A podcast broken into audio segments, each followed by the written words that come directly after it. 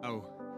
Wat is het goed om hier te kunnen zijn. Goedemorgen. Ik hoop dat je hebt mee aanbeden. Dat je op de een of andere manier in Gods aanwezigheid bent gekomen. Of dat je misschien wel als je dit later terugkijkt, dat het je net zo raakt als, als dat het ons allemaal zou, zou moeten raken. En ik vind het een voorrecht om hier te kunnen zijn in Leeuwarden. En ehm, bij jou thuis toch een klein beetje op deze manier. Zo mooi om hier te kunnen zijn. Zo mooi om te kunnen aanbidden met elkaar. En ehm, nogmaals, ehm, dank alvast voor het voorrecht om hier te mogen zijn. Het is een beetje anders. De vorige keer dat ik hier was, was de zaal nog vol. Met, uh, met jou en jouw familieleden, je buren, misschien wel je, je, je, je connect-leden, je teamleden. En ik hoop dat we inderdaad, wat we al vaak hebben gezegd, dat we weer snel terug kunnen gaan naar, naar zo'n tijd. Maar op dit moment is het absoluut een voorrecht om op deze manier met elkaar God te kunnen zoeken vandaag. Om op deze manier kerk te kunnen zijn. En um, ik heb mijn dochtertje meegenomen. Um, zij zit daar, dat kunnen jullie niet zien, ik wel. Zij, uh, zij vond het een groot avontuur om naar Friesland te gaan. Want zij dacht dat het daar hier heel koud zou zijn. En ik heb haar verzekerd dat Friesland in die zin een beetje hetzelfde klimaat heeft als eh, bij ons in Den Haag. Echter, toen reden wij over de afsluitdijk. En een groot deel van het IJsselmeer was nog bevroren. In ieder geval aan de, aan de kant waar, waar wij reden, tegen, langs, langs de weg.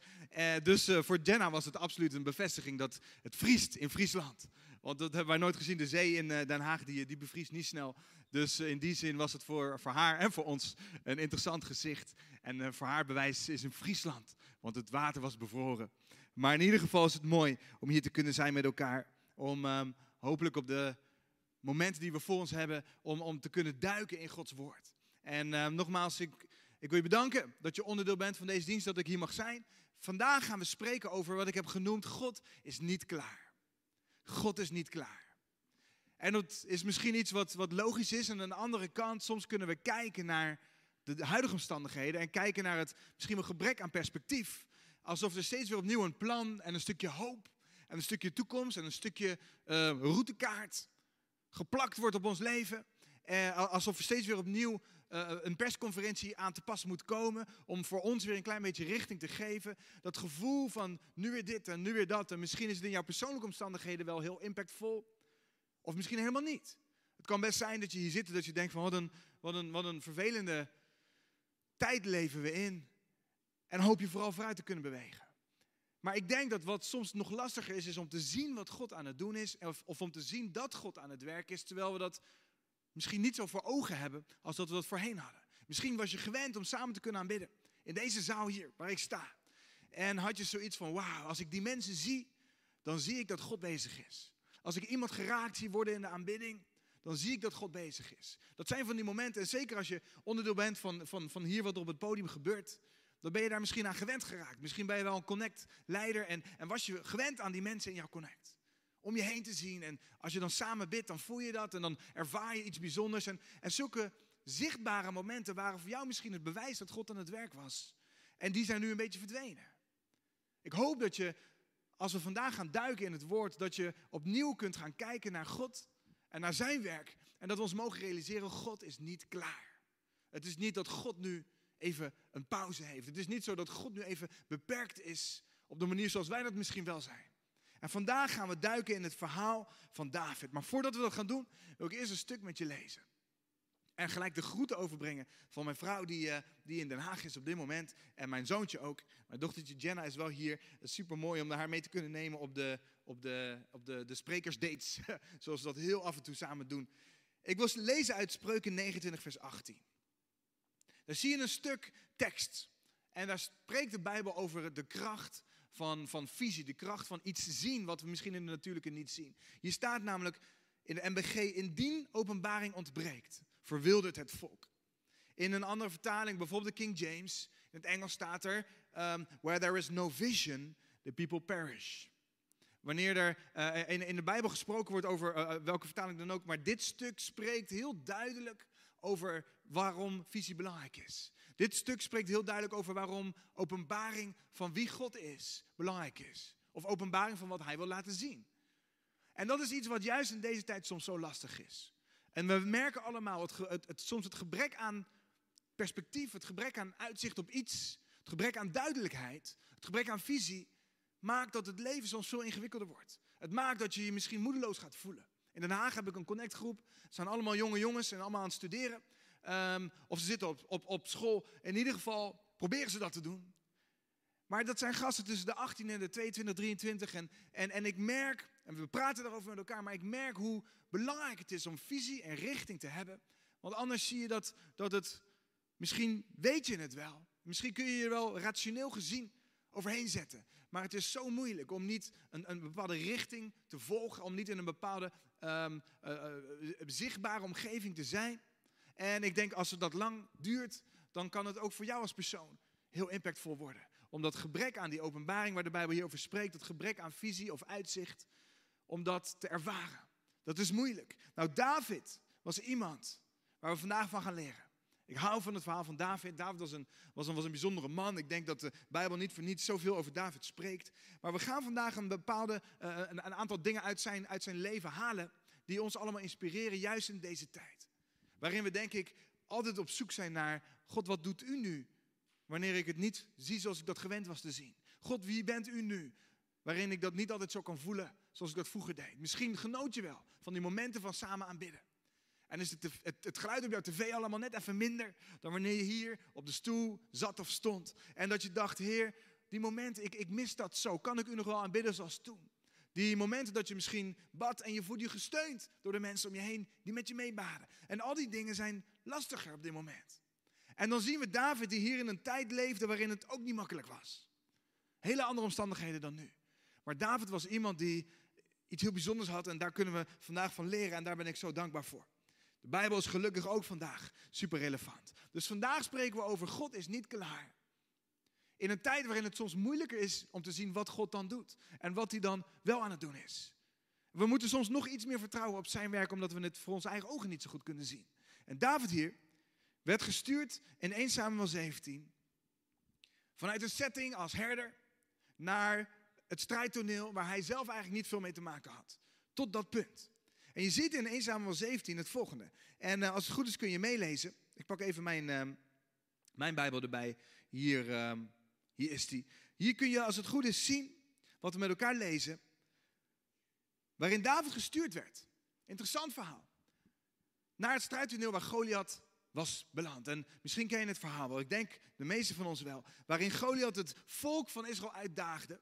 Steeds weer opnieuw stond hij ochtends voor de troepen van het volk van God. Tegen, te schreeuwen tegen de koning en tegen zijn soldaten.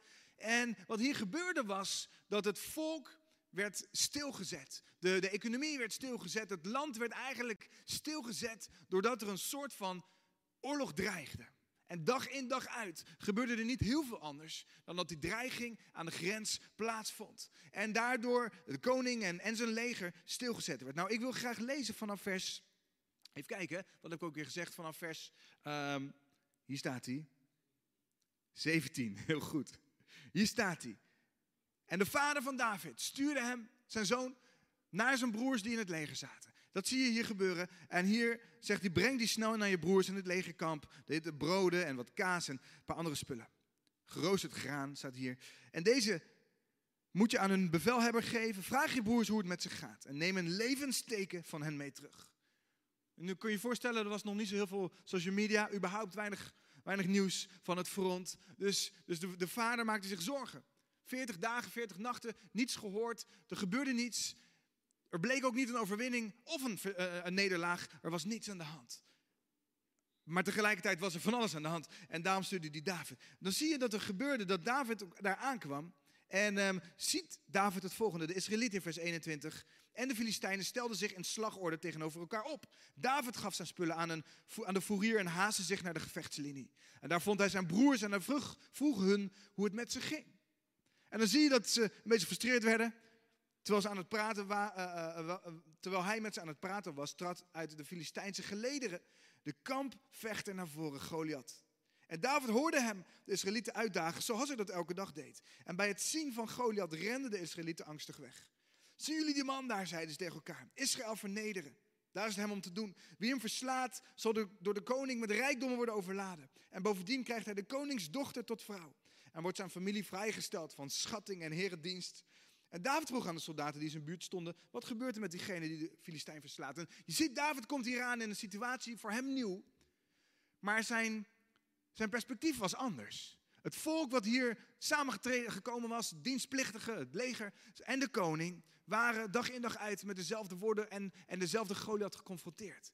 En dat heeft hen, uh, hun perspectief veranderd. Het heeft hun, hun, hun omstandigheden niet veranderd, maar hoe ze gingen kijken naar de situatie werd steeds negatiever. Maar David niet. En wat je hier ziet gebeuren is heel interessant. En mijn eerste punt wat we denk ik hieruit kunnen halen is dat er angst werd gezaaid. Zodanig dat het volk stilgelegd werd. Doordat ze keken en luisterden naar Goliath. En ik denk dat het heel belangrijk is in onze tijd. In iedere tijd. Dat we ons mogen realiseren hoe de kracht van wat wij zien en de kracht van wat we horen op ons kan inwerken. Hier zie je het volk, gezalfd en beschermd door God. De koning Saul aangesteld door God. We moeten niet vergeten, dit was Saul een goede tijd. En hij werd geroepen en gezalfd. En dit was de koning van de overwinningen. Dit was de koning die het volk van Israël leidde. Van de een op de andere overwinning. En hier zie je dat datzelfde volk en datzelfde leger met diezelfde koning lam geslagen werd van angst. Er staat letterlijk in vers 11: Bij het horen van deze woorden stonden Saul en het leger van Israël verlamd van schrik. En vers 25 zegt het volk tegen elkaar, de soldaten: Zien jullie die man daar? Wat je ziet is dat horen en zien heel veel invloed hebben op ons allemaal. Het heeft invloed op wie wij zijn, op wat we doen. Het heeft invloed op hoe wij kijken naar onze omstandigheden. Het horen van de woorden, het zien van de dingen die we voor ogen zien. Dat heeft invloed. Welke dingen luister jij naar? En welke dingen zie jij? Dat is mijn eerste vraag, mijn eerste punt voor vandaag. Ons zien en ons horen is zo belangrijk. Ons zien en ons horen is zo belangrijk. En dan bedoel ik, hoe kunnen wij kijken naar wat God ons laat zien? Hoe kunnen wij kijken naar de wonderen die God doet? Hoe kunnen wij luisteren naar zijn stem? Hoe kunnen wij luisteren naar stemmen van mensen die praten over wat God doet? Die, die opbouwend zijn, die, die visies spreken, die, die proclameren wat Gods woord zegt.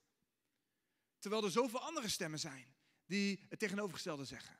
En het is zo moeilijk, want we hebben altijd die, we hebben die gewoonte gehad om, en nog steeds, hoop ik, alleen nu zit je dat thuis vooral mee te beleven, maar we hebben die gewoonte altijd gehad om, om samen te komen, om gelijkgestemde stemmen te horen en gelijkgestemde te zien. Een van de mooie dingen van de kerk is dat het zien van het samenkomen met elkaar je het gevoel geeft van ik ben niet alleen. Een van de krachtige dingen is het samen aanbidden en het samen bidden. En het luisteren naar, naar, naar Gods woord, dat, dat bouwt ons geloof. Dat is een van de redenen, denk ik, waarom de kerk zo'n krachtig concept is. Want je hebt het gevoel, ik doe dit samen. Kijk eens om me heen. En dat is nu under attack. En, en ik hoop dat een van die dingen is wat we mogen zien en mogen geloven. Dat Gods woord en Gods werk nog steeds doorgaan. Dus dit is zo'n belangrijke vraag. Het zien en het geloven. Waar kijken wij naar? En, en, en um, sorry, het zien en het horen. En waar luisteren we naar? Ook in deze tijd.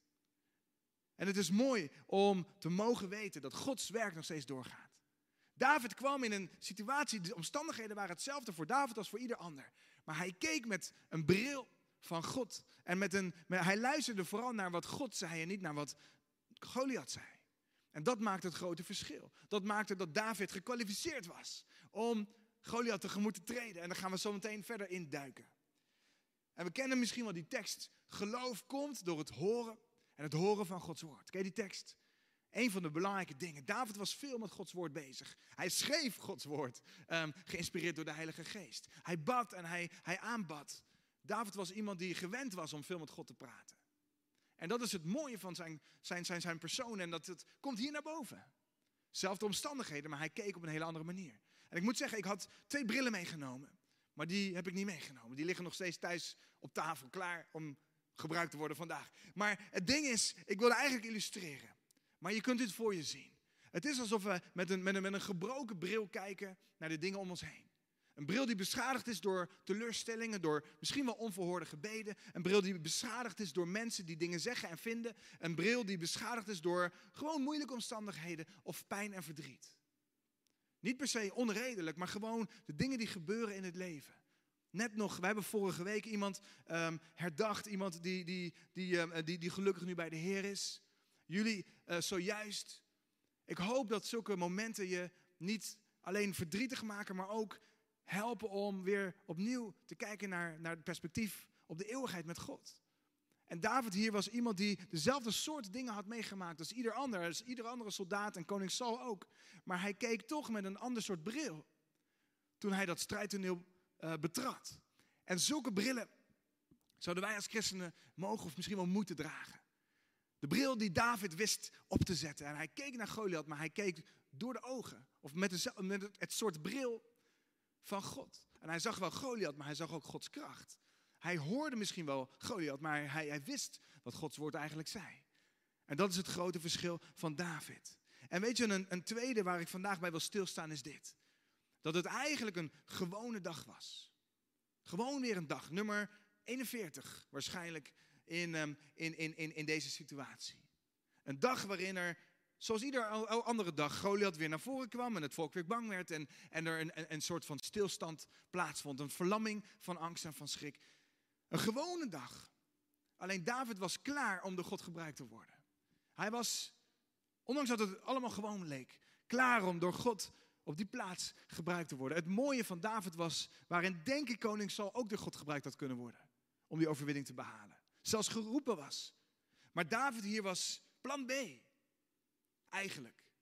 Waarin koning Saul niet stapte in de, in de rol die God hem had gegeven. En, en, en David erbij gehaald moest worden die eigenlijk een beetje zijn eigen roeping vooruit liep. Maar David hier, die, die, ehm, die door God gebruikt werd om, om, om als een leider van het volk op te treden. En die zei, ik, ik, ik, ik zie dit wel gebeuren, maar God is aan onze zijde. David was tegelijkertijd gewoon een normale dag ingestapt. Een beetje eten brengen naar zijn broers. Een beetje nieuwsgierig naar wat er aan de hand was. Maar tegelijk had hij die bril op die het grote verschil maakte. En dat is denk ik zo belangrijk. Soms verwachten wij grote dingen op bijzondere dagen. We verwachten van kerst en Pasen allerlei moois. We verwachten van het bidden en het vasten heel veel krachtigs. Dat is ook goed. We verwachten van, van Pinksteren hele mooie dingen. We herinneren ons momenten dat er bijzondere dagen waren. Maar eerlijk gezegd kunnen we soms een beetje neerkijken op de normale dagen. De normale dingen. Weer een zondag livestream. Weer een zondag eventjes intunen. Um, je koffie is al een beetje, weet je wel. Maar we moeten niet neerkijken op de normale dagen. Want voor God was dit geen normale dag. Alleen niemand anders wist dat. God wist dat dit een dag van overwinning ging worden. En David was er klaar voor. En ik hoop dat wij met elkaar mogen kijken naar de normale dingen. Misschien is het dat je morgen weer naar je werk gaat. Misschien ben je morgen vrij. Misschien heb je wel vakantie. Misschien is het een, een, een, voor jouw gevoel een normale dag, maar God kan iets bijzonders doen. Wees klaar voor zulke momenten. David leerde ons een paar hele bijzondere dingen. Hij was denk ik iemand die altijd in zijn spirit klaar was, omdat het hem, hij, werd opgebouwd door God. Door zijn relatie met hem. Dat is wat we allemaal nodig hebben. En het kan zomaar zijn dat iets jou overkomt. Nou, ik wil je één ding laten zien in Johannes 4, vers 4. Waarin die tekst, die we misschien wel kennen, waarin, waarin eigenlijk gesteld wordt, want hij die in u is, is machtiger dan hij die in de wereld is. Bekende tekst als je, als je gelovig bent, opgegroeid of als je al een aantal jaar misschien eh, in de kerk mee, mee, meeloopt. Maar dit is wat David niet alleen wist, maar het was nog niet eens geschreven. Hij, David is een Oude Testament man en dit betreft het Nieuwe Testament. Maar David wist dit in zijn spirit. Hij was van binnen hiermee overtuigd. Dat hij wist, God is groter in mij, door mij heen, dan deze reus die ik voor mij zie. En dat is de kracht van David. En wat je dan ziet gebeuren is dat er um, in Nummerie 13 vers 33, en je ziet het ook in het stuk wat we net lazen, nummer 13, vers 33, opnieuw een situatie ontstond waarin de verspieders het beloofde land ingingen. Dus een tijdje terug ten opzichte van deze situatie met, met David. En die verspieders zeiden een beetje hetzelfde. Ze zagen reuzen en ze werden bang. Dat is wat hier gebeurt namelijk in, in um, nummer 13. Er staat vergeleken bij dat volk van reuzen voerden wij ons maar niet de gesprinkhanen. En veel meer zullen wij in hun ogen ook niet geweest zijn. In de herziende vertaling staat wij waren in onze ogen als sprinkhanen en zo waren wij ook in hun ogen. Het probleem kan zijn dat iets in het natuurlijke als een reus lijkt of misschien letterlijk is. Maar het ding is, hoe kijk je daarnaar? Met of zonder God? Hier zie je dat de verspieders, het land waarvan God zei, dit ga je krijgen. Dit ga ik jullie geven. Dat de verspieders nog steeds niet konden zien dat God dat zou gaan geven. Behalve Jozua en Caleb. En dat is het probleem hier ook met het volk van God koning Saul en zijn leger keken en ze wisten dat God overwinningen kon geven, want dat had hij al veel vaker gedaan. En toch konden ze het niet zien in een spirit. En wat je hier ziet is dat David het wel zag. En het probleem zat hem hier in eerste instantie Waar luisterden ze naar? Waar keken ze naar? Mijn eerste punt. En het derde punt van vandaag is, waar, wat, wat, is, jouw, wat is jouw gevoel? Of, of, of wat is jouw, waar vergelijk je mee? Dat zijn verborgen vijanden. Jouw gevoel, hier staat er, wij waren, staat letterlijk in nummer 13, vergeleken bij dat volk van reuzen voelden wij ons, maar niet de gesprinkhanen. Dat waren ze niet. Ze waren het volk van God. Misschien voel jij op dit moment ook wel eens zo. Dat je denkt, ik, ik zie die reuzen, ik zie die moeilijke omstandigheden. Ik voel me maar als onwijs klein. Ik voel me maar als, als iemand die niets kan betekenen. Als, als iemand met weinig impact. Misschien voel je je niet zo. Kan ook. Maar het ding is, je kijkt naar de vijand en je denkt dat dat, dat gaat niet lukken. Je kijkt naar de omstandigheden of je kijkt naar iets in de toekomst en je denkt dat daar gaan we niet komen. En ik, ik hoop dat je dan kijkt naar dit punt. En dat we mogen weten, we moeten ons niet vergelijken met dat andere volk, vergelijken met de vijand. En we moeten ook niet op ons gevoel afgaan. Want dat zijn twee verborgen vijanden. David voelde zich helemaal niet anders toen hij Goliath zag. En David vergeleek zich ook helemaal niet met Goliath. Dat is maar goed ook. David vergeleek Goliath met God. en dat is makkelijk dan wie, er, wie de overhand heeft in de strijd. Dus toen David in alle vertrouwen op God op de reus afliep, was het voor hem al lang duidelijk wie er ging winnen. Soms moeten wij ons eigen, onze eigen vergelijking systeem, we hebben, dat doen we allemaal. We vergelijken altijd met iets of iemand. Maar we moeten dat soms een beetje ombuigen. En moeten niet ons vergelijken met de ander, maar we moeten God in ons vergelijken met datgene van de vijand wat erin zit. Wat het ook is. Een onverhoord gebed. Dan kijken we naar onszelf en denken we, oeh, dat gaat niet lukken. Dan kijken we naar God en denken we, ja, God, u bent wel echt degene die overwinning kan geven. En het mooiste is wat je vervolgens ziet gebeuren is, wat hier, nou, het is eigenlijk niet mooi, het is meer interessant. Mijn vierde punt is dat hier zag je eigenlijk gebeuren dat het grotere doel verdween. En dat is denk ik voor ons een belangrijke les. Dat als wij niet uitkijken, dan duiken we in luisteren, kijken, voelen, vergelijken. Allerlei zintuigen, maar dan op de natuurlijke manier. En dat is niet wat God bedoelt. God heeft het ons gegeven om in het natuurlijke te genieten van dingen en om, om überhaupt gewoon daarmee te kunnen omgaan zoals het moet. Maar geestelijk zijn die zintuigen ons ook gegeven om op Gods manier te kijken. Om op Gods manier te, te luisteren. Om op Gods manier te vergelijken. En dat is zo belangrijk. Want als we dat niet doen, dan verdwijnt het grote doel snel voor ogen, als sneeuw voor de zon. En dan zie je dat een volk en een koning met een roeping en een zalving weinig meer kunnen doen tegen één reus Goliath. En de grap van Goliath was dat hij niet eens zo heel groot was. Vergeleken bij koning Saul. Koning Saul staat er in, de Bijbel letterlijk dat hij met kop en schouders boven iedereen in het volk van Israël uitsteeg. Hij was misschien wel de langste man van het hele volk. Een sterke koning, gezalfde God ook nog eens. Een, knappe man, een, een, een echte aanvoerder. En het is mooi om te zien dat koning Saul geroepen was door God en gebruikt. Goliath werd ergens in de Bijbel staat hoe lang Goliath was. Uit mijn hoofd was geloof ik iets ongerekend 2,70 meter of zo. Ik bedoel, dat is geen 6 meter. Het is niet de reuze die wij uit onze boeken kennen. Het was een grote, grote man.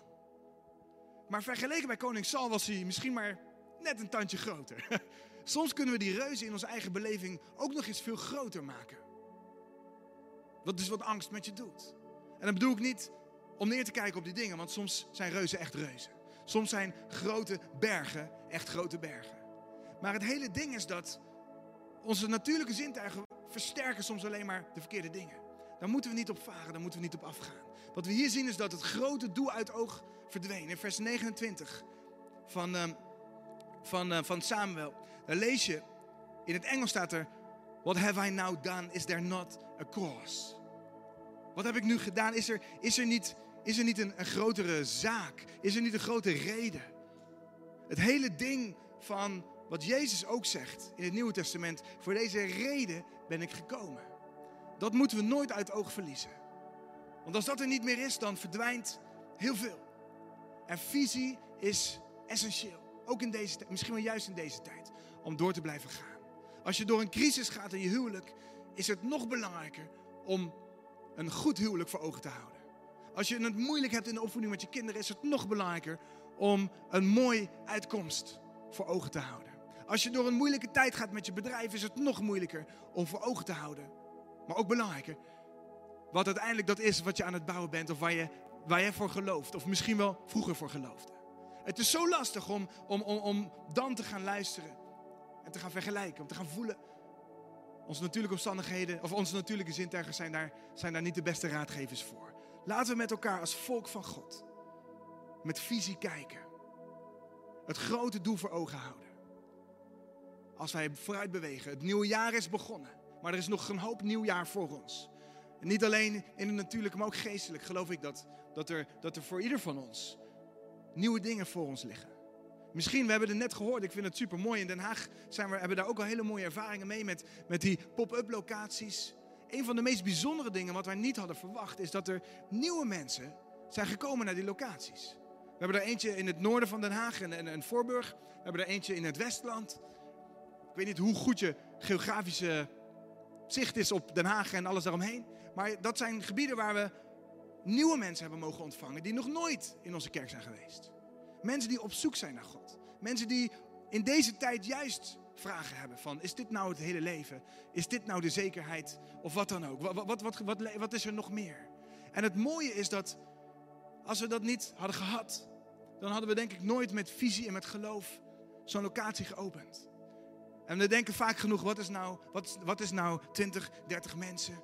Wat is nou wat we nu wel, wat, wat, wat kunnen we nou helemaal? Maar het mooie is dat God overal doorheen kan en wil werken. Als jij een teamleider of een connectleider bent, laat die visie niet verdwijnen.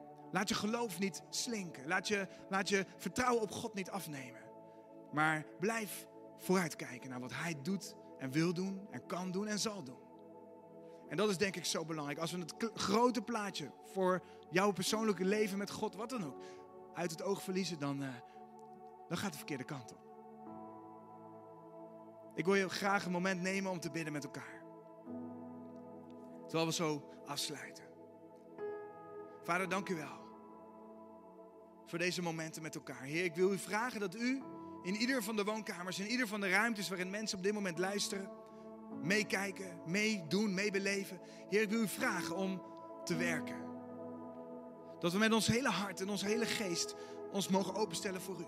Vader, want we willen leren van David. David, we weten allemaal dat David niet zonder fouten was. Ver van dat. Maar er zijn zulke mooie lessen te leren uit zijn leven. Omdat David iemand was die steeds naar u keek. Door uw bril naar de omstandigheden. Met uw bril naar Goliath. Met uw bril naar de vijand. En daarom is David iemand waarvan u zegt een man naar mijn hart. En we willen zelf ook kijken naar de omstandigheden. En ons realiseren dat het kan ons verlammen, het kan ons angstig maken als we het op een verkeerde manier zien. Maar we willen kijken door, door uw bril. Wat het ook is, Heer, help ons om dicht bij u te blijven. Om de visie die u ons geeft en die we mogen ontwikkelen met u.